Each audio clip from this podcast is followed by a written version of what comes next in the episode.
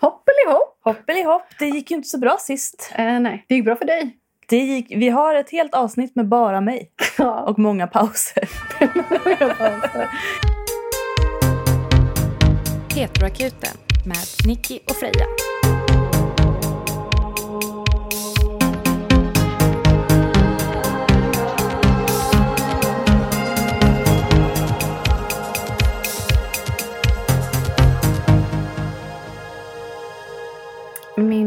Hårddisk kraschade. Och därför är detta avsnitt en vecka försenat, om ni Mm. undrade.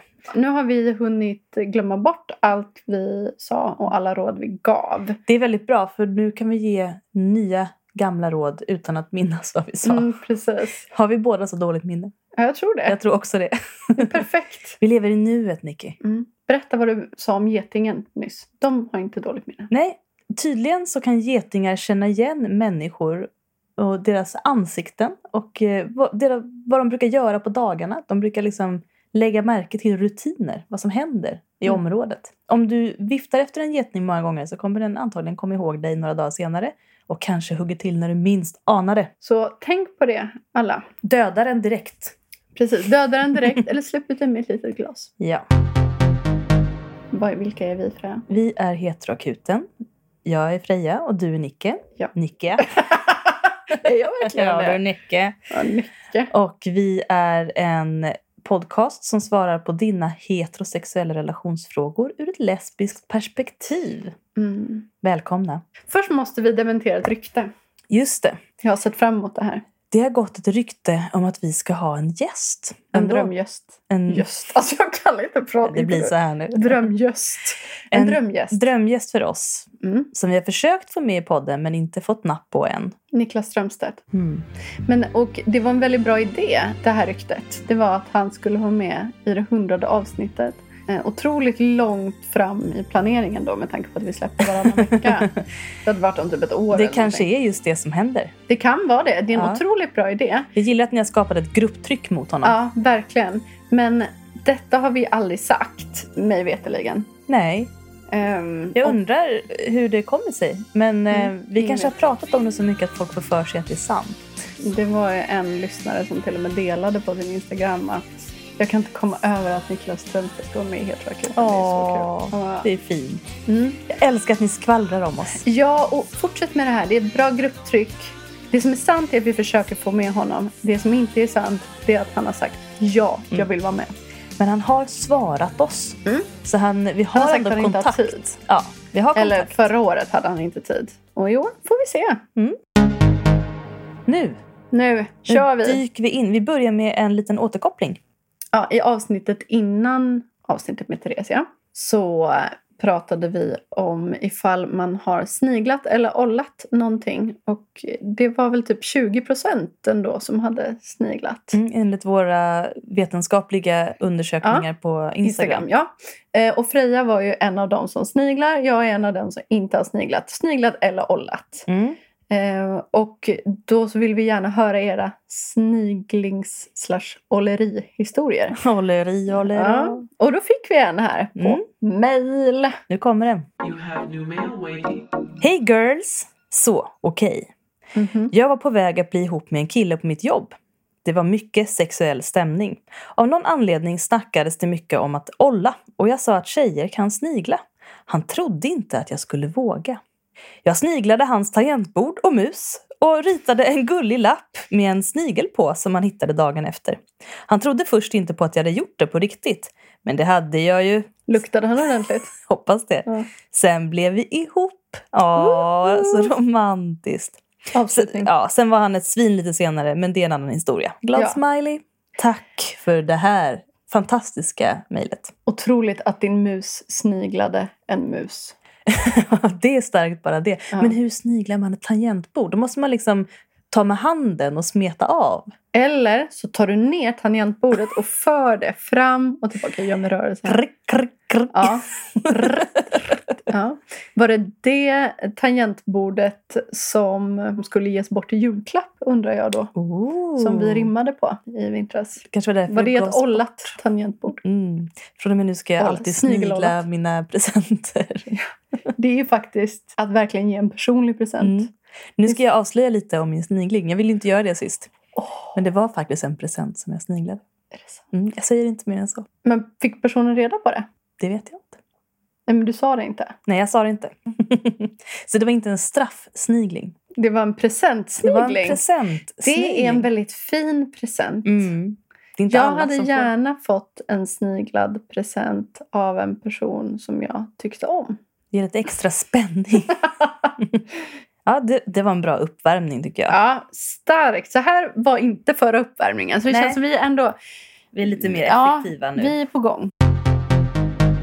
Vi bad ju om era tankar och åsikter om det senaste gästavsnittet Mm.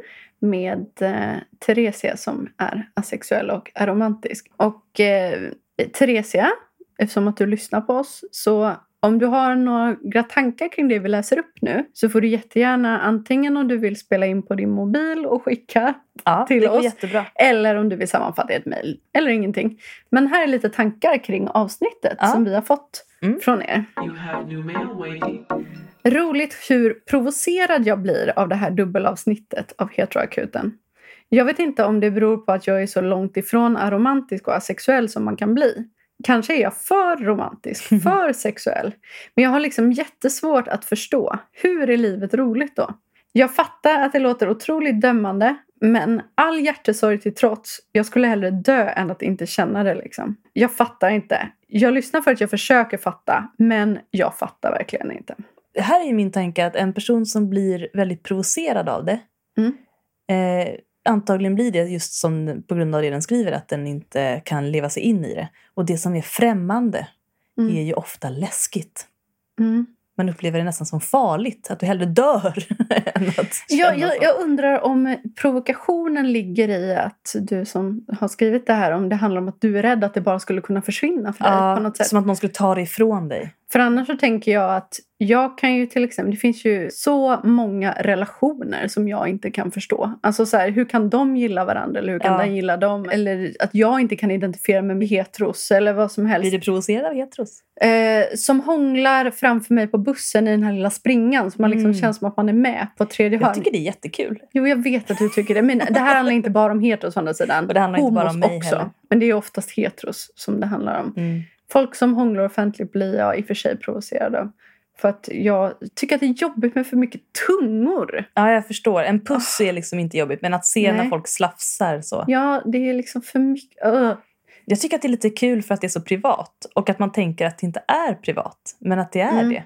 Som att man går runt naken utan att veta om det. Lite den känslan får jag. Alltså, jag, har ju, jag skulle ha mycket mindre problem med folk som hade sex offentligt. Det har jag ju sett. Har du? Ja, absolut. Oj, vart då? Eh, På en eh, klubb som heter Wish. Ah. Som är en lesbisk fetischklubb. Ja, men på sexklubb är väl inte, eller på klubb överlag. Det har ju ändå hänt att folk juckar på Jag blir- dansgolvet. Mm. Det var inte Ja, en chock. men jag ville ju inte titta på när de hånglade. Alltså, Så du såg hellre när de hade sex än när de hånglade? 100 procent.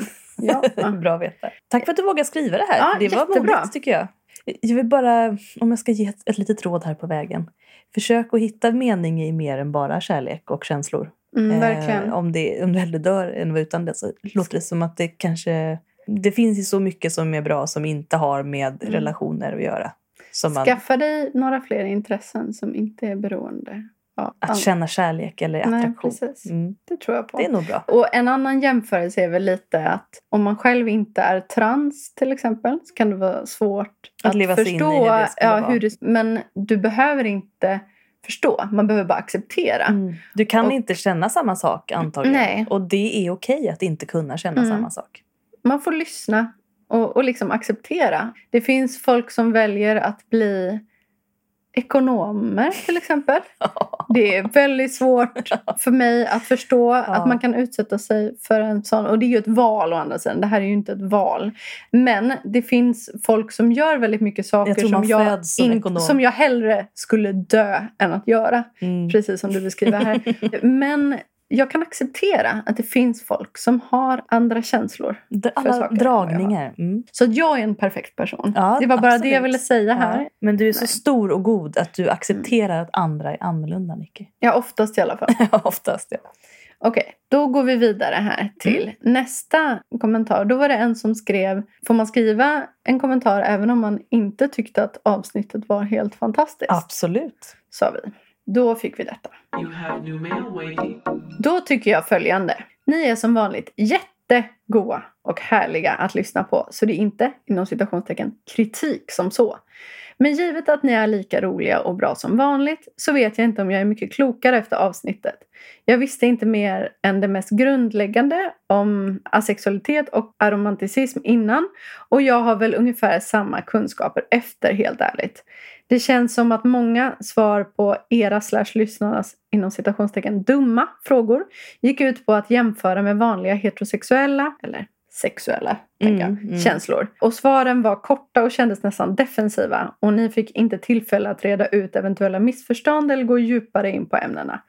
Diskussionen kring frågorna var i princip obefintlig och jag vet inte om jag fick en större klarhet i nyanserna i vad ACE slash ARO innebär. Sånt kan ju komma ur sitt sammanhang i klippningen också men Nicke är ju en sån jävla mästare så det köper jag inte. Ja. Sen mot slutet kom det fram att Theresia inte alls kände igen sig i eller kunde relatera till normromantiska känslor. Så vad var hela poängen med att jämföra? Det hade kanske belyst med lite diskussion och klargöranden men sånt var det lite ont om, ledsen gubbe. Jag vet att jag låter jävligt klagig nu och jag är absolut inte ute efter att klandra eller hänga någon. Men jag känner väl bara att avsnittet kanske inte blev vad det hade kunnat vara. Men så är jag rätt trög också. Om andra tyckte om avsnittet och lärde sig nya saker så har de företräde såklart. Men det här var mitt spontana intryck. Wall of text, LOL. Jag hoppas att jag inte sa något jag får ångra. Ni är bäst, men jag fann lite att gubbgnälla på. Och om ni tycker att jag är helt fel ute så köper jag det helt. Jag tror att det här är en person som eh, känner så här för att den, som vi sa innan, faktiskt inte kan leva sig in i. Nu vill jag ge lite cred till eh, Theresia här. Jag tyckte Mm. hon gjorde jättebra jämförelser. Eh, och sen att vi vet att hon inte känner så som hon beskriver de jämförelserna. Hon drog ju många jämförelser då med hur det är om man är romantisk och liksom sexuellt attraherad och ställde dem mot varandra på olika sätt. Jag tror att är det någon som verkligen vet hur man lever sig in i känslor man själv inte känner så är det väl Arrow slash Ace-personer. Ja. För de tvingas ju exponeras för så otroligt Man blir ju mycket. Så superbombarderade. man vet nog ändå. Ja, även om man inte kan känna det själv så har man ju lärt sig exakt allt runt det. Eh, och det är nog så nära vi kan komma aromanticism och asexualitet också. Alltså jag tror att, Mm. som sagt, jag tror inte att man som lyssnare faktiskt kan förstå vad det innebär om man inte känner likadant själv. Jag tolkar den här mejlet lite som att personen önskar att den kunde leva sig in i det. Jag skulle vilja ge lite cred till den som skriver eh, det här mejlet också. Det verkar ju som att du kunde det grundläggande inom asexualitet och aromanticism. Och Kanske det kunde ju då. inte vi. Nej. eh, och många med oss. Mm. Så att du var helt enkelt lite mer, inte alls trög, utan mer bildad i det här än vad vi var. Och det är väldigt komplext. Så att det här var en crash course. Alltså jag, jag önskar jag kunde säga att jag känner mig helt upplyst nu men jag känner att jag måste typ lyssna på avsnitten om och om igen för att Mm. Jag har ändå klippt och klippt och klippt. Och Ja, ändå... jag är, jag är trög här. Så Mm, att jag. För oss var det bra. det, är, det är svårsmält för den som inte Mm. har upplevt det själv. Som allt liksom. Något jag är väldigt nyfiken på, eftersom att vi vet att vi har fler asexuella som dels har lyssnat på avsnittet men också följer oss överlag. Det hade varit jättespännande att höra om det är någonting ni vill tillägga eller om det är något ni känner att så där tycker inte jag eller så Mm. där har inte jag upplevt det. Mm. Eh, för att få en lite bredare bild. Om ni tyckte att det var perfekt förklarat eller om det var något ni saknade. Ja. Så då kör vi på nästa här. Fick pausa och spola tillbaka tusen gånger på grund av så många svåra begrepp. Känner mig ganska förvirrad nu och processar fortfarande mycket från avsnitten. Berättade Theresia hur det gick till när hon träffade sina tidigare partners. Har så svårt att förstå datingbiten. Som i min värld främst hänger på vilka känslor som utvecklas slash inte utvecklas. Det vill säga, är vi glada och jättekära i varandra? Ja. Är lika med, då blir vi ihop. Nej. Är lika med, då blir vi inte ihop. Tror dock inte att svaret på det skulle göra mig klokare och kanske det som är svårast att processa med avsnittet, inom parentes livet? Frågetecken, att den inte alltid kan slash måste förstå andra genom att utgå från sina egna känslor och upplevelser spot on tycker jag. Theresia ställde en bra motfråga till Nicky när Nicky frågade Theresia hur hon kan vilja ha sex med någon hon inte känner attraktion till. Varpå Theresia frågade Nicky varför hon hånglar med vänner som hon inte känner attraktion till. Mm. Eh, vill ändå säga att jag hånglar inte med vänner eh, Längre. längre. Men detta har, hände i fyllan i tonåren. Det har hänt oss båda. Eh, Och det var jättekul, fast jag inte var kär. Ja, på så sätt kunde Nicky, inom parentes frågetecken, och jag, inom parentes utropstecken, relatera och bättre förstå Theresia. Är det så det funkar eller kan vi förstå varandra ändå? Bara genom att acceptera typ att okej, det här är din verklighet och den är lika verklig som min och jag behöver inte översätta din till min för att förstå. Ja, ni frågade efter tankar och här kom de. Mm. Så tror jag att det finns en eh, föreställning att alla som identifierar sig som asexuella har en liksom stark aversion mot sex. Att sex är det värsta man kan tänka sig. Och för vissa kan det säkert vara så, men jag tror inte det är så för alla. Det fick vi väl ändå förklarat i avsnittet. Och det tycker jag är väldigt bra att, att poängtera. Eh, Mm. och jag, därför tycker jag det var så bra jämförelse, just den. Eh, om man kan hångla med sina kompisar på fyllan när man är tonåring. Man kan ha lust att göra Ja, ha det. lust. Även om man inte är kär eller vill något mer. Liksom, så Mm. kan man också ibland ha lust att ha sex. Alltså för att det är en Mm. aktivitet som kan vara kul. Typ. Alltså, Sen får man inte underskatta att alkohol plus tonår och hångel kan få en att känna sig kär i stunden. ja, det kan det göra. Men det är en annan sak. Eh, ja. Jag tycker ändå att den här mejlet är väldigt spot on. Jag tror att du har helt rätt. Det är väldigt naturligt att man vill jämföra sina Mm. egna känslor. Det krävs nog tid och processande för Mm. att kunna förstå någon annans verklighet och ett öppet sinne, inte minst. Men det verkar du ha. Men det som var med att bli ihop och sådär. Överlag så berättade ju Theresia att Mm. om det var någon som raggade på henne och visade ett starkt intresse för henne och hon gillade personen såklart. Så kunde hon känna att jag väljer dig Ja. för att det är så det ska vara. Och att det kanske Man ska vara ihop inte med någon. kändes... Och då tar jag dig. You have new mail waiting. Tänkte på att jag direkt får fördomar om den killen hon pratade om som var med en podd för asexuella och beskrev sig som aromantisk men allosexuell. För mig låter det som alla killar i 20-årsåldern. ja. Kanske killar. Inget allvarligt. Mm, kan vi bara precis. träffas lite. Knulla med allt, kär i ingen. Nej, det kan ju också vara ett sätt att beskriva det. Och som vi alltid brukar säga här i Heterokuten, att man får ändra sig och ändra sig och ändra sig. Mm. Och en sak som man identifierar sig med och känner under en period, det kan ändras igen. Så säger inte Cissi Wallin, men så säger vi. Tror eller ej, men vi har fått en fråga som Freja först trodde var ett prank. Jag trodde det var troll. Ja. Tills du sa, nej men eh, alltså på riktigt, vi kanske borde fråga ett eh, proffs om det här. Ja. Jag har läst på internetforum som Flashback och Familjeliv, bra källor, att en kan få cancer av att slicka fitta. Stämmer detta? Och sen är det en lång länk. Älskar er podd och lyssnar oftast flera avsnitt per dag för att hinna ikapp. Är på avsnitt 31 så jag vet inte om ni redan diskuterat detta. Det har vi inte. Nej. Och ignorera att jag skickar från min skolmail. Eh, Eh, ja, ja. Och Freja sa, vadå cancer av slicka fitta? Då Ja. sa jag HPV. Och då kom Freja på pling, just det. ja, just det. Och det För här, kan man få det i hihin så kanske man kan få det i halsen. Jaha, han. Hahan. Och det här är då alltså familjelivsinlägget som vår lyssnare syftar på. Mm. Vi tänker att vi läser upp det först innan vi går till botten med det här. Mm. För det är det här som då skapade detta ramaskri som tvingade lyssnaren att raskt skriva till oss från sin skolmail. Till experterna. Ja, här är vi. Igår publicerade den brittiska tidningen The Guardian en intervju med skådespelaren Michael Douglas som tillfrisknat efter sin strupcancer som nästan tog hans liv. I intervjun fick Michael Douglas frågan hur han fått sin strupcancer. Det är en konstig fråga. Hur fick du din cancer? Det är en otroligt märklig fråga. Och han svarade då att cancern kan ha orsakats av humant papillomvirus. Det låter nästan som, HPV. Mm, som en, en hund. Papillon. Ja, verkligen. Det är sådana med små tofsiga öron. Mm. HPV som kan smittas via oralsex. Vi undrar hur troligt det är att man kan få cancer av oralsex. Ja. Okej. Så vi har bestämt oss för att kontakta ett proffs. Ja, för att vi, vi kan ju i stort sett allt. Men ibland så behöver vi ta, eller så här, ibland behöver vi ta till ytterligare bandmedlemmar. Ja, för att bekräfta det vi redan visste så att vi har mer förtroende. Nej, jag, jag visste faktiskt inte det här. Jag var helt chockad. Ja, Så det här är intressant. Ja, och därför så ringde vi vår eh, yrkesverksamma vän Gabrielle som sjunger i vårt band Iben som Mm. är barnmorska. Ja, och så här lät det.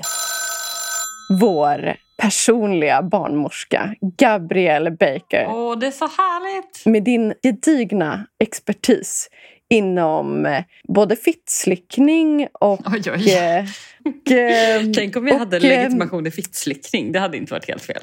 Men det, det är inte för sent. Det kan du, det kan du Nej, skaffa nej. det. Sant. Eh, ja, men du ska ju få, få svara på den här frågan. Vi har ju läst upp eh, jag menar att Michael Douglas då skulle ha fått strupcancer av att ha slickat fitta. Kan detta stämma? Jag måste först bara ha en bild av Michael Douglas och se hur pass... eh, Ja, men se hans eh, fittslickar-aura helt enkelt. Ja, men han har ju varit eh, tjusig i sina dagar. Mm. Så bra fittslickar-aura. Eh, men du, det stämmer faktiskt att man kan få HPV i munnen av att slicka fitta. Eh, och det är till och med vanligare, vad jag har läst av forskning, att så att säga män får HPV i munnen eftersom att det enligt forskning bara är män som slickar fitta. Så Mm. det är helt enkelt för även lesbiska? Det borde ju vara samma risk om inte män har en speciell cancerstrupe. Det är lite oklart för att enligt forskningen så kan det också vara så att män har en speciell cancerstrupe. Jaså? Ja, eller snarare så här. Män löper högre risk för att få cancer. Eh, Okej. Eller sjukdomar generellt. Eh, men det finns ju också andra riskfaktorer som man tror kan spela in som rökning och alkohol och sådana saker. Eh, så Ja. det är inte så att man bara slickar fitta och så får man cancer utan det är just de typerna av cancer som är tungbascancer eller tonsillcancer är väldigt ovanliga. Och det är ungefär 350 personer per år i Sverige som får den här typen av cancer. Så det är inte så många. Eh, och främst män då. Men vad är HPV-viruset då? För det här cancer i fittan, det låter ju inte Tråkigt. mm, bra. Man kan ju få HPV-virus utan att få cancer också. Precis, och HPV är ju ett virus som är väldigt vanligt. Och det finns fler än 200 olika typer av HPV. Och vissa sorter kan eh, sätta sig på händerna eller fötterna och ge vårtor. Och andra sorter kan sätta sig i fitti eller snoppi eller Halsen. Exakt. Och det kan i längden ge cellförändringar i livmodertappen. Men de flesta HPV-virus läker ut av sig själva. Om man går till gynekologen och tar cellprov och man får ett svar att man har hittat förändringar. Är det HPV man har hittat då? När man har fått cellförändringar så brukar det bero på HPV. Cellförändringar kan ibland leda till livmoderhalscancer. Men om man nu inte vill ha HPV i halsen, använda slicklapp. Kan man göra det? Absolut, kan man göra. Har du någonsin använt slicklapp? Freja har ju jag, har det. all, jag har faktiskt aldrig gjort det. Och jag eh, reagerade på det också när jag började mitt nya jobb. Att vi har inte ens några slicklappar. Måste beställa in det. Jag hörde om en som testade att använda plastfolie. Jag vet inte. Men du, vet du vad? Det här har ni faktiskt pratat om tidigare i podden av att använda plastfolie. Mm. Jag tror att det var Freja som rekommenderade det och det ska man inte göra för det innehåller små, små, små mikrohål. Så det skyddar inte Mm. mot någonting. Okej, så det är liksom bara om man då gillar känslan av att slicka på plastfolie? Ja, då i kan man absolut göra det. Men annars så, jag vet inte, det kanske finns annat plast som är bättre. Då vet vi det. Att eh, har du ingen slicklapp så får du Ta en kopkasse. en ko- Ja, jättebra, tjock plast. mm, Och då menar vi alltså plastkassarna, inte pappkassarna. Man behöver väl inte gå omkring och vara jätterädd? För Nej, det behöver man inte vara. Som sagt, det är väldigt, väldigt ovanligt. Eller man har ju funnit att det har varit HPV i de flesta som har haft den här typen av cancer. Men det är ju fler saker som behövs för att man ska få cancer, inte bara att slicka fitta. Mm. Det som man vet i alla fall är HPV smittar via slemhinnor. Man tror oftast att det är bland heterosexuella som det smittar men det kan även föras över mellan tjejer. Men då är det ju genom slemhinnor, fitta mot fitta eller mun mot fitta. mellan snopp och fitt är det som är störst risk för överföring av könssjukdomar. Främst då från eh, snoppig till fittig eftersom att eh, snoppig har lite mer eh, utlösande faktorer. Som även kallas spermier. Spermier, precis de. Men jag, ska, jag vill också tillägga här att om man har fitta, oavsett könstillhörighet, så ska man gå på sina cellprover vart tredje år. Och är man väldigt ung, 10 till 12, så kan man få vaccination. Men tusen tack Gab. Puss puss! I smoke weed, eat pussy every day, and every day is kind of the same. Så nu vet du det Freja. Nu vet jag det. Och det var ju skrämmande och eh, fascinerande. Och det är ju helt logiskt när man tänker efter. Men Skönt att det inte är vanligt. Det känns ju som att det är väldigt ovanligt. Kanske ännu mer ovanligt än att få frågan hur fick du din cancer? alltså, ja, just. Hur får man ens den frågan? Tänk om, tänk om någon drabbas av cancer och så träffar man den. Man känner inte den så väl. Man träffar den ute någonstans på någon fest eller så. Och så säger Mm. hur fick du cancer? Ja, då måste jag få berätta en anekdot från Ja. verkligheten. Åh nej, om min farmor. Min farmor Britta Marianne, som inte hette Britta Marianne utan Britta Maria. Hon hade en granne. En granne som hon ofta snackade skit om för övrigt. För Mm. att hon sprang ut i trapphuset och raggade på brevbäraren. Sanningen i detta vet jag inte. Men det, i vilket fall fick den här stackars sant. kvinnan skelettcancer. Mm. Eh, och dog. Ja. Eh, och då sa farmor, men jag har ju varit uppe hos henne och druckit vin. Tror du jag kan ha fått det också? Då? Hon trodde det smittade via umgänge. Eh, det hoppas jag att folk inte tror idag. Nej, och det, det vill jag i form av min expertis dementera. Du Mm. kan sitta och dricka ett glas vin tillsammans med en granne med skelettcancer. Även en granne som springer efter brevbäraren. Ja. Varken du eller brevbäraren riskerar att få skelettcancer. Även om både du och brevbäraren skulle ligga med personen Ja. i fråga. Inte ens om ni liksom skar upp era ben så att benpiporna kunde nudda varandra så skulle du smittas av cancer. Ursäkta den grafiska. Jag tänkte precis det här. Tur att vi spelade om avsnittet. Det här blir mycket bättre. Men däremot så kan du ju då få HPV om du gnuggar för mycket. Om du gnuggar muff. Gnugga muff mot muff. Fast Mm. oftast så är det, smittar det ju via penis i fitta. Ja, sex. det är viktigt att poängtera. Alltså, det är en myt att lesbiska inte kan smittas av HPV-virus. Mm. Eh, som jag tyvärr har hört av eh, barnmorskor. Det Om du är lesbisk behöver du inte testa dig för HPV Mm. för då Mm. kan du inte få det. Det smittas ofta i heterosex. Eh, men det har då med penetration att göra ofta. Mm. Och det kan ju lesbiska också göra. Speciellt om man delar sexleksak utan att tvätta mellan. Mm. Då är det risk för smitta. Hoppas du som skrev in det här mejlet till oss kan sprida detta vidare till familjeliv och Flashback. Eh, Men tack för frågan, det var kul! Det var intressant.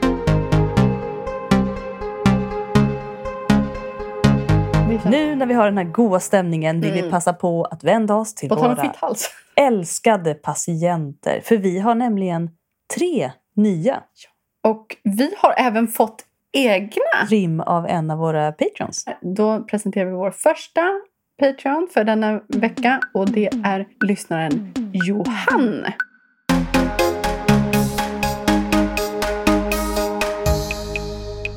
Johan, välkommen! Som från och med nu är en stammispatient.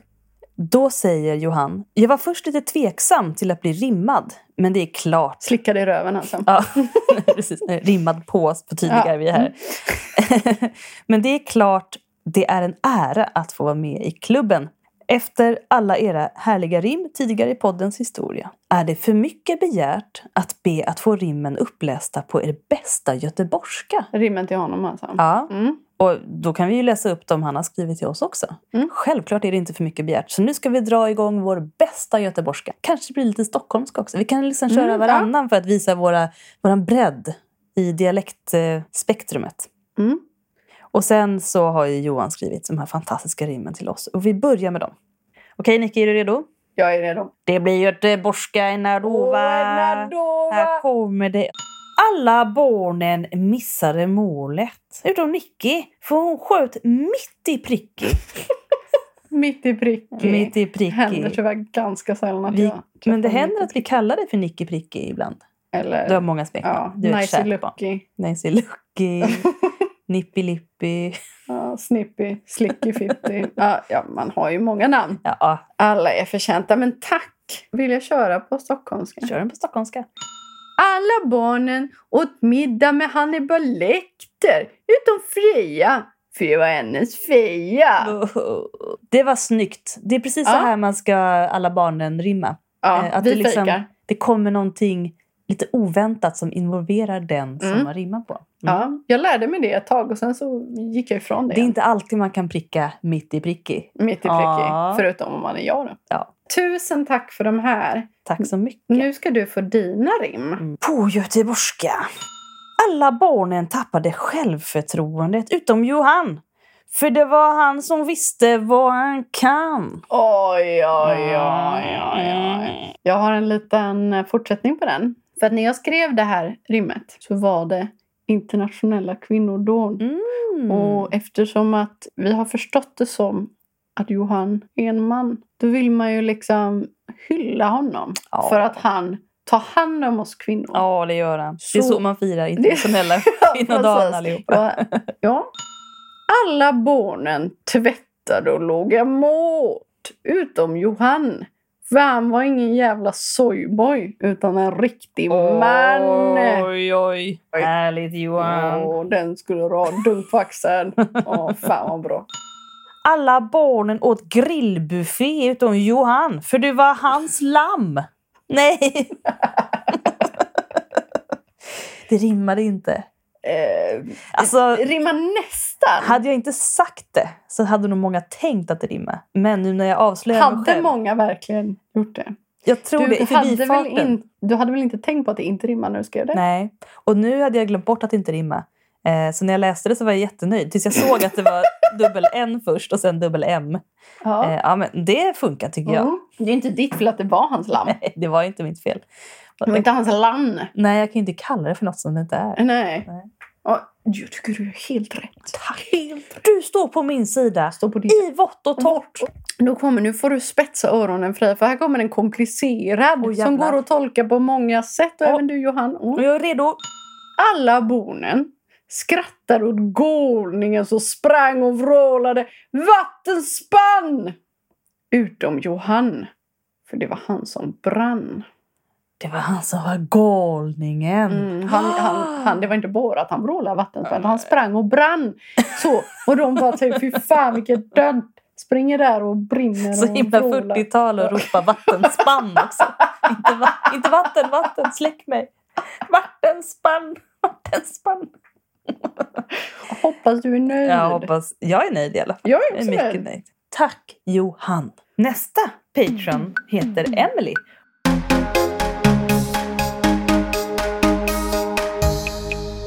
Och det namnet har vi rimmat på. Men vi har gjort det igen. Vi har det och vi, Vi kan. har. Vi kan. Tjejer kan. I. Grattis Emelie på kvinnodagen i efterskott. Hade du varit här så hade du fått en ros och en, en liten diskborste.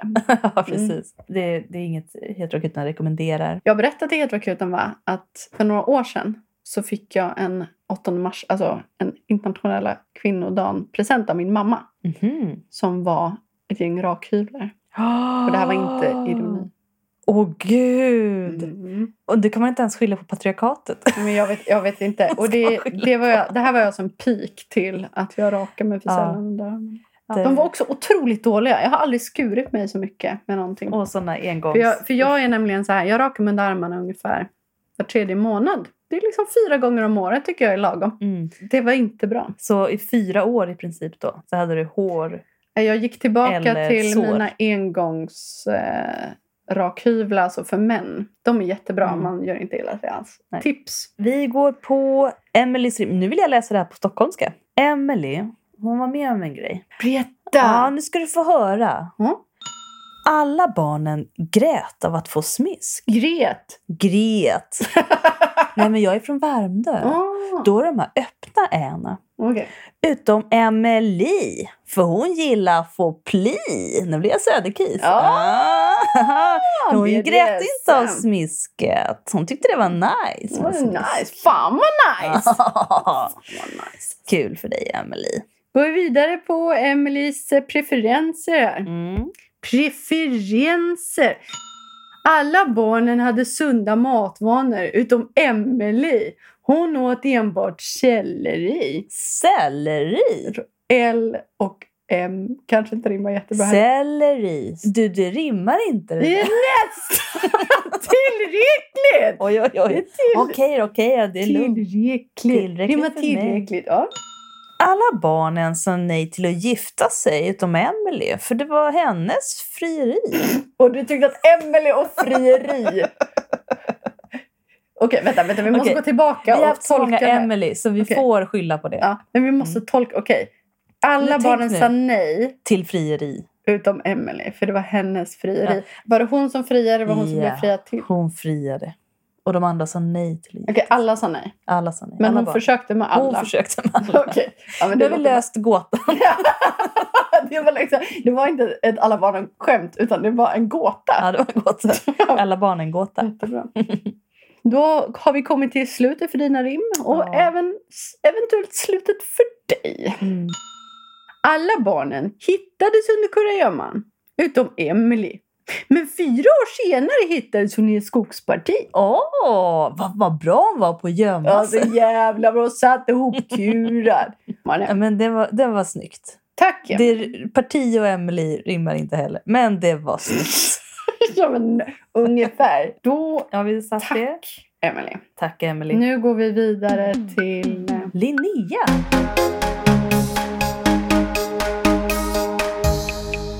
Linnea. Det har vi också haft många. Också ett namn som, men vi har klarat det Ja, igen. ja. Alla Emily och Linnea måste fortsätta bli patrons så vi kan Mm. utmanas gång på gång. På gång. Mm. Då kör jag den på göteborgska igen. Oj, det var lite härligt att köra tycker jag. Jag tänker köra varannan nu. En på göteborgska och en på Ja, stockholmska. men då gör jag det också.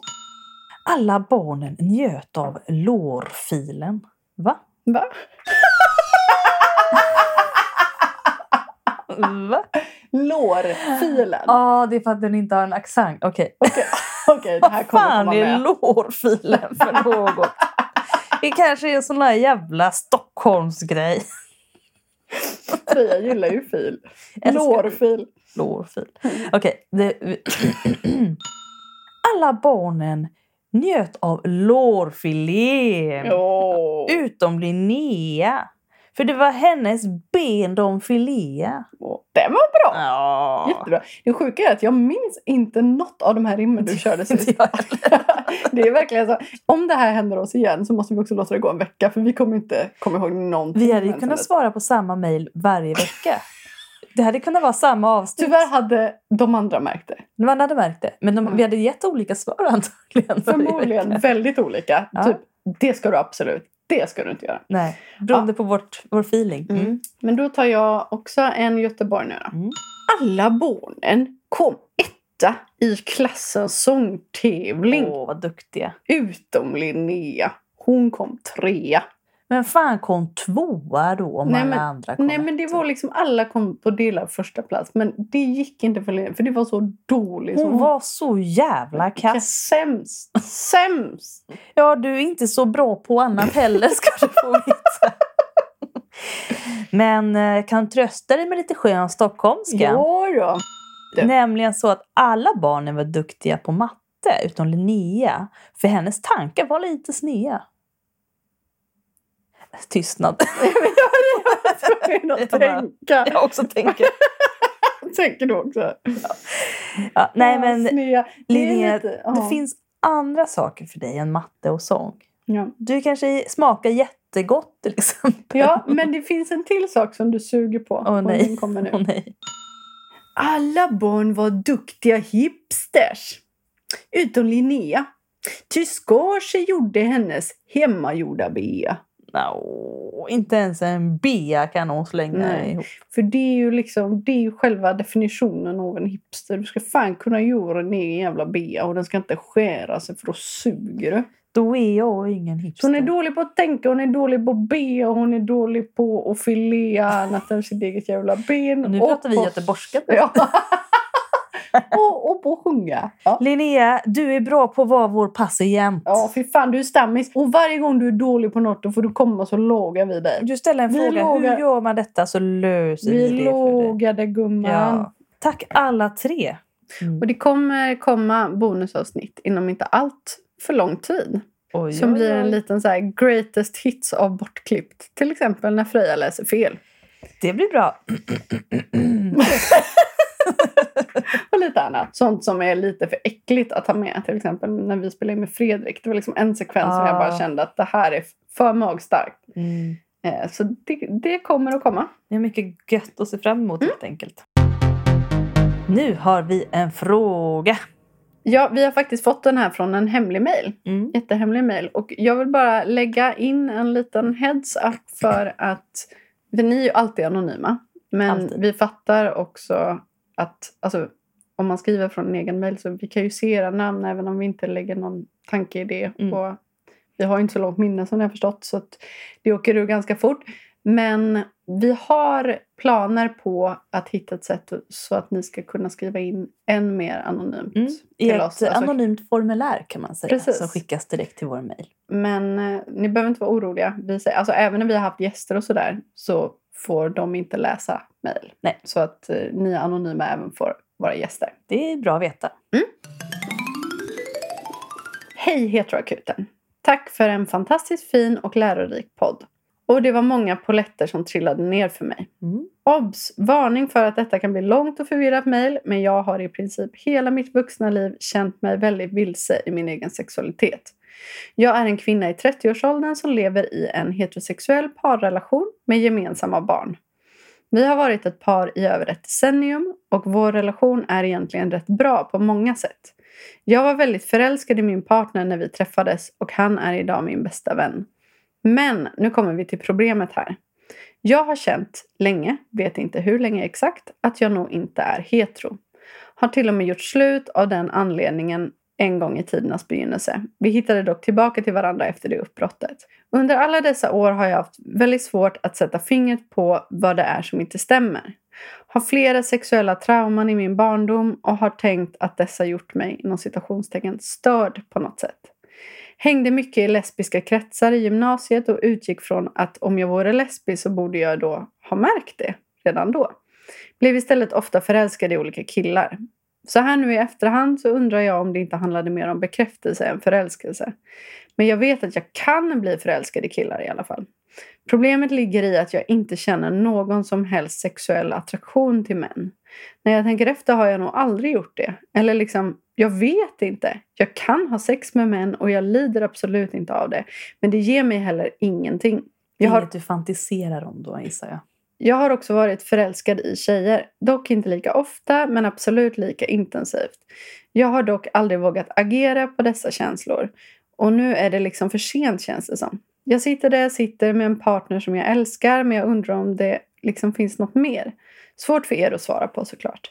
Eftersom att jag aldrig varit med någon tjej kan jag ju inte garantera att det inte blir som att vara med en kille. Det vill säga jag känner jättestarkt för personen känslomässigt men inte sexuellt. Efter att ha lyssnat på avsnittet med Theresia funderar jag på om jag kan vara biromantisk och asexuell. Också, ibland känns det som att inom citationstecken alla andra har varit så himla tvärsäkra i sin sexualitet medan jag snart är medelålders och fortfarande känner mig vilsen. Har inte vågat prata med min partner om det här, har sagt att jag är bi till honom, för det är vad jag utgått från själv. Snälla Nicky och Freja, hjälp mig att reda lite i dessa frågor. Med Mm. vänlig hälsning, en anonym lyssnare. Min spontana tanke här är att det är okej att inte veta. Men jag förstår att det är frustrerande i och med att du skulle vilja kanske ha en erfarenhet av att vara med tjejer och se hur det var. Om du kände sexuell attraktion eller inte. Vänta, var det barn inblandade? Ja, Ja, det var barn också. här har vi ett exempel på att det avsnittet med Theresia verkligen har gjort avtryck. Nådde en publik som kanske behövde höra det. Ja, Mm. och du är inte den enda som har vädrat liknande tankar om det här avsnittet till oss. Jag tänker att det är ju jättehäftigt. Här har du fått en insikt om dig själv. Och jag tänker att Theresia, hon, hon är ju 33. Mm. Det var inte länge sedan hon upptäckte det här heller. Så att, Men du vet ju inte säkert. Du funderar på om det är så. Ja, men du frågar oss om det kan vara så att du är biromantisk och asexuell. Och ja, Absolut. det kan det absolut vara.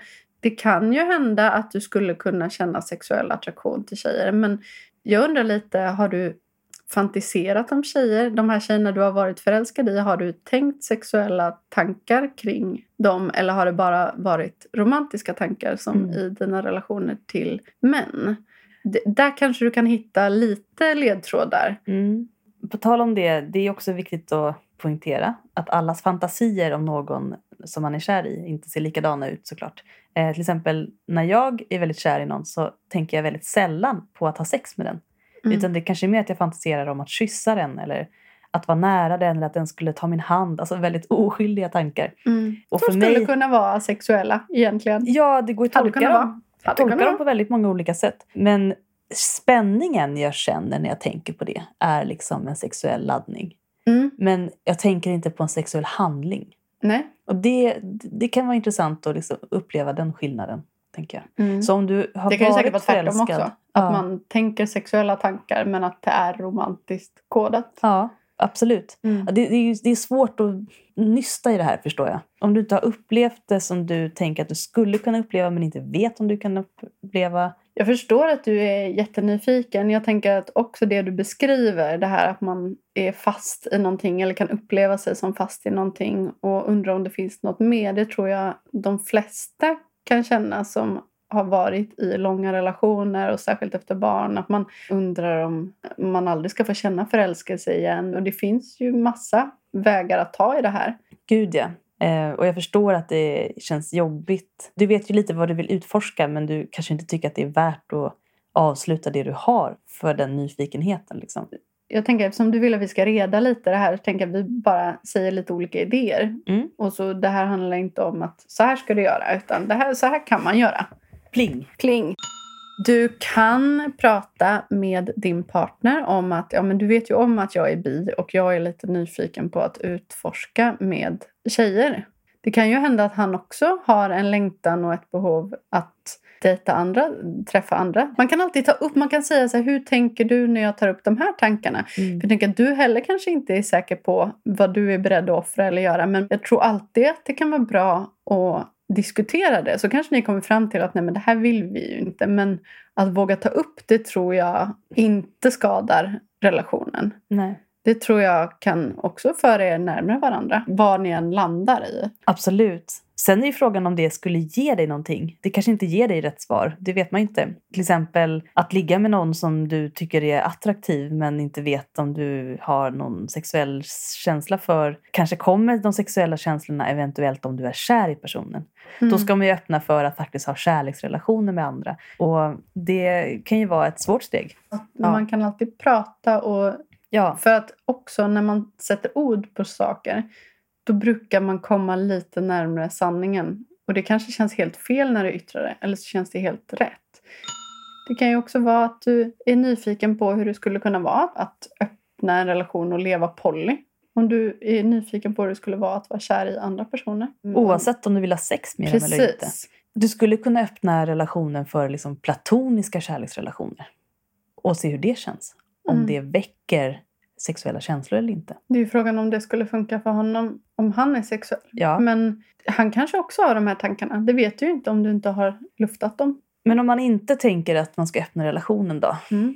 Då är ju ett annat alternativ, pling, att göra slut och utforska. Det förstår jag känns som en jättesvår sak. Det är ju en stor sak också. Det är en jättestor sak. Om det känns rätt så ska du göra det. Men det är Mm. väldigt svårt kan jag tänka mig att eh, ta det beslutet.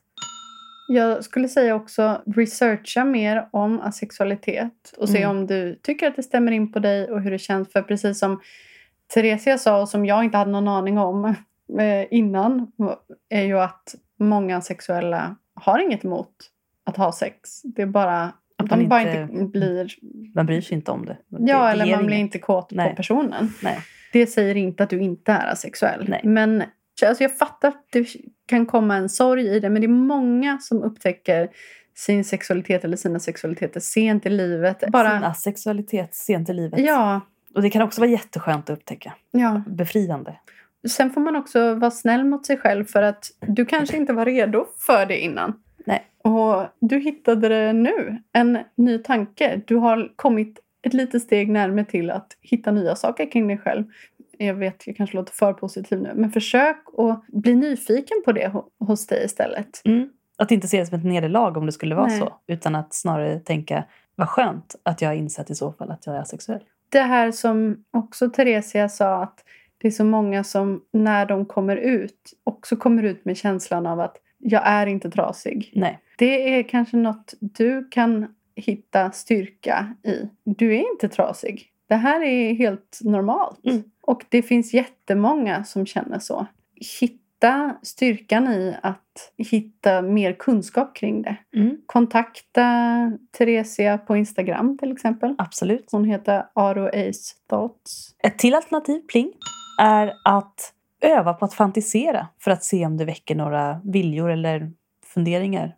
Öva på att fantisera om personer som du är nyfiken på. Mm. Någon som du är kompis med men skulle kanske ha funderat någon gång på hur det skulle vara att vara med den. Fantisera om den på olika sätt. Se vilka fantasier som känns bra och som inte känns bra. Om det inte väcker några känslor alls, är det en sak. Eh, om det väcker känslor, intressant. Vad kan det betyda? Vad kan det vara? Att fantisera romantiskt, att fantisera sexuellt är ett jättebra sätt att utforska sin sexualitet. Mm. Även om man inte agerar på den. Jag tänker det är det man gör också i tonåren. Mhm. Det är en jättestor del. Ja. av att utvecklas som människa är ju att fantisera och att Mm. hela tiden mm, liksom leka med nya tankar och se hur de känns. Så underskatta inte fantasins kraft. Du behöver inte agera på allting. Du kan faktiskt tänka dig till många insikter tror jag. Ja. Men det är också okej om du inte kommer fram till någonting. Och när du känner att tiden är mogen så kan du berätta om det här för din partner. Mm. Men du måste inte göra det och det här är din sexualitet eller asexualitet. Det är någonting som du har hittat och det handlar om dig. Lycka till! Och om du kommer fram till någonting nytt eller bara fortsätter tänka, skriv gärna till oss igen. Eller om du tycker att vi missuppfattade vad du ville att vi skulle rota i. Ja. Skriv alltid igen. Vi är jättenyfikna på att höra hur det går för er Ja, allihopa. Om man hittar det får man gärna skicka med tidigare mejlet man skickade. För nu börjar det bli... nu har vi hållit på i två och ett halvt år så det börjar bli väldigt många frågor. Vi har fått ett mejl. Ett desperat mejl. Ett, akut. desperat. Med rubriken Hjälp, jag är desperat. Otrolig rubrik. Vi gillar sådana Starkt. rubriker. Tack för min favoritpodd. Ja, Varsågod. detta är dock ingen heterofråga, det är okej. Men snälla hjälp mig! Tre utropstecken. Min tjej och jag har ett långdistansförhållande sedan ett år tillbaka. Nu har tragiskt nog hennes lillebror dött utan att någon vet varför. Vi finnas där och stötta henne men samtidigt så tickar min biologiska klocka. Jag är 32 år. Hon säger att hon tror att hon vill ha barn men jag får inga konkreta svar eller funderingar från henne så som jag funderar och skriver till henne. Jag älskar henne över allt och är villig att flytta över halva Sverige för att vara närmare henne. Men hon verkar inte vara mogen att flytta ifrån sin tvillingsyster som hon levt med hela sitt liv. Enkelt svar då. Du flyttar dit. Om hon vill. Än om det bara handlar om en kort flytt för henne. Men Ja. hur kan det vara en kort flytt för henne och inte en kort flytt för dig? Ja. Ja, okej. Vill inte pressa henne. Helst inte just nu. Men jag får panik. Vad ska jag ta mig till? Hur ska jag tänka? Vill inte att det ska ta slut men har ångest varje kväll att livet inte känns så lätt och glatt som det borde. Kommer hon någonsin bli redo? Sorry för långt mejl. Jag är stenbock. Kram från Norrland. Nu kommer ett hårt svar. Mm. Först en liten mjukstart. Jag förstår din biologiska klocka, men ni har bara varit tillsammans i ett år. Hennes lillebror har just dött. Och om hon säger så här, jag tror att jag vill ha barn, men jag vet inte. Det betyder hon vill inte ha barn inom närmsta åren och man kan inte övertala någon att skaffa barn. Och upprepar, hennes lillebror har just dött. Svårt att tänka på något annat. då, Ja, och Mm. självklart behöver hon sin tvillingsyster. Alltså som så mycket annat i livet så hon kommer vara glad. Hon kommer ha ljusa stunder. Sorgen är randig. Ja. Precis som glädjen också ofta är randig. Saker är inte alltid glada. Men De borde hon, kanske inte vara det heller, alltid faktiskt. men hon behöver stöttning i det här nu. Säg att ni hade pratat om att skaffa barn och att ni stod i kö nu eller var i den processen och hennes lillebror dog och du skulle få panik över att kommer allt att stanna av nu så hade jag nog förstått det här mejlet lite mer.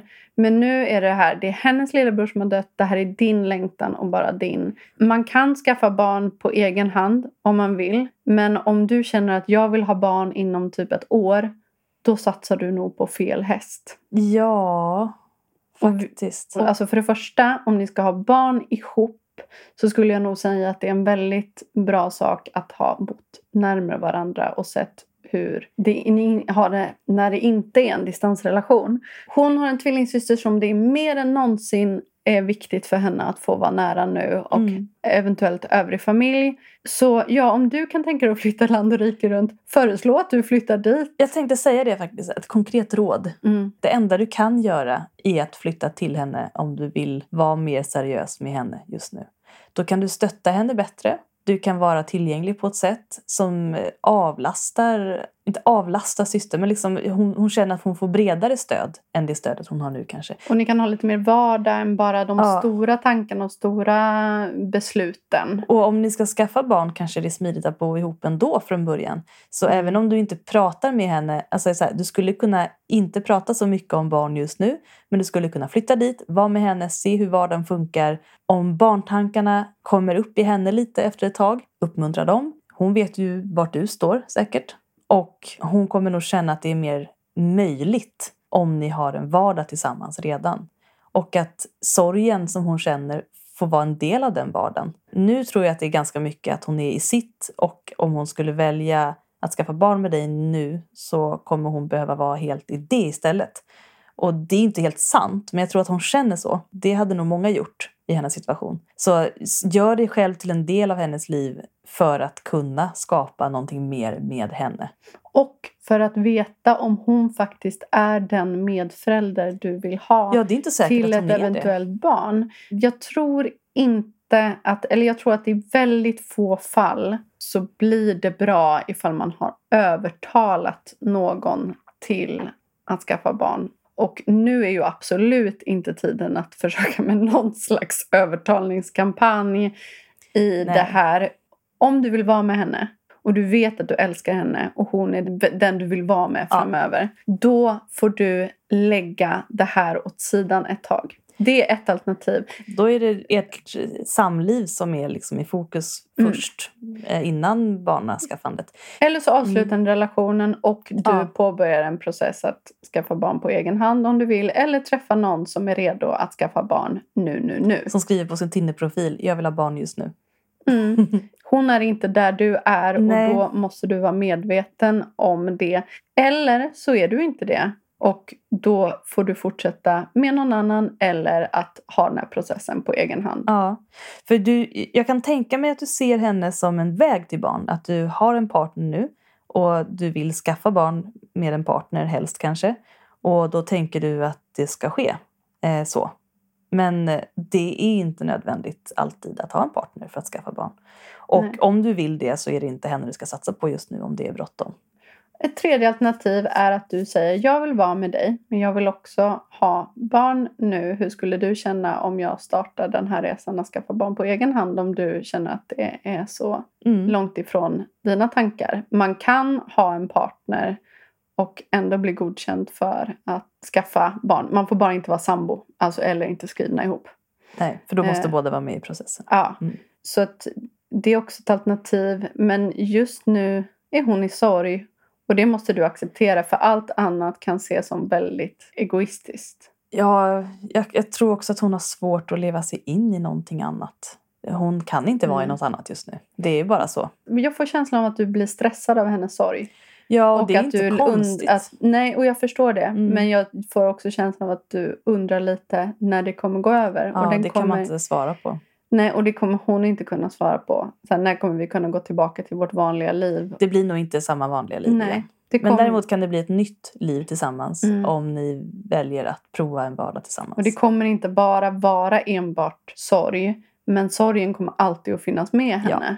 För henne att flytta nu vore ju väldigt Upprivande. otroligt upprivande. Och som sagt, kan du tänka dig att flytta och hon vill att du flyttar till henne. Mm, då är det en jättebra idé. Ja, men Prova då är det bara kör. Och ni har varit tillsammans i ett år. Om ett år, ja men då kommer det ha varit årsdagar för allting som har med brodern att göra. Alltså det kommer att finnas ljusglimtar också. Mm. Då kan ni börja diskutera det här.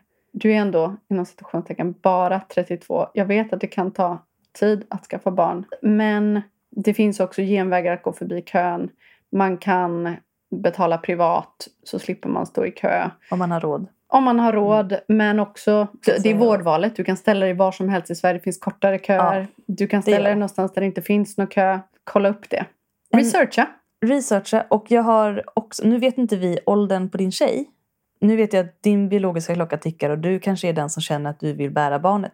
Men om du kan tänka dig att din partner bär barnet och hon är Mm. yngre än dig så kanske det inte är lika bråttom som du känner att det är. Mm. Nu vet inte jag om det är så. Hon kanske är äldre dig, hon kanske är lika gammal som dig, det vet jag inte. Men om hon är yngre så är det också ett alternativ att faktiskt vänta på henne. Och tänka att det kanske inte nödvändigtvis måste vara du som bär på barnet. Men det är ju en chansning såklart. Och det beror ju på vad du menar bi- biologisk klocka. Om du menar att du känner att du håller på att bli för gammal eller att du har en så väldigt stark barnlängtan. Mm. För det är, ju no- det är ju någonting att ta hänsyn till. Men just nu skulle jag ändå säga, vill du vara med henne, då får du finnas där för henne nu. Och så får du se var ni hamnar sen när hon har gått igenom det hårdaste sorgearbetet. Mm. Men det kommer inte bli som innan. Det kan vi nästan garantera. Nej, och hon kommer inte vilja skaffa barn med dig om en månad. Och det vet ju du säkert. Du vill, du vill ha råd kring hur Mm. du ska tänka. Och nu har du fått våra tankar. Mm. Jag hoppas att det är lite tankegods. Något Mm. att fundera över i alla fall. Och jag, jag förstår också, det vill jag poängtera här, att det känns som en svår situation. Såklart. Ja, men det kan också vara så att ni är på för olika platser. Och då Ja. menar jag inte bara med det här, men om hon inte ens vet om hon vill ha barn överhuvudtaget. Kanske du får ta ett rationellt beslut Mm. som inte gynnar er relation. Men det är bara du som kan bestämma Ja. det och se det. Men väljer du att stanna med henne så måste du kunna vara en klippa för henne just nu. Mm. För hon behöver det. Mm.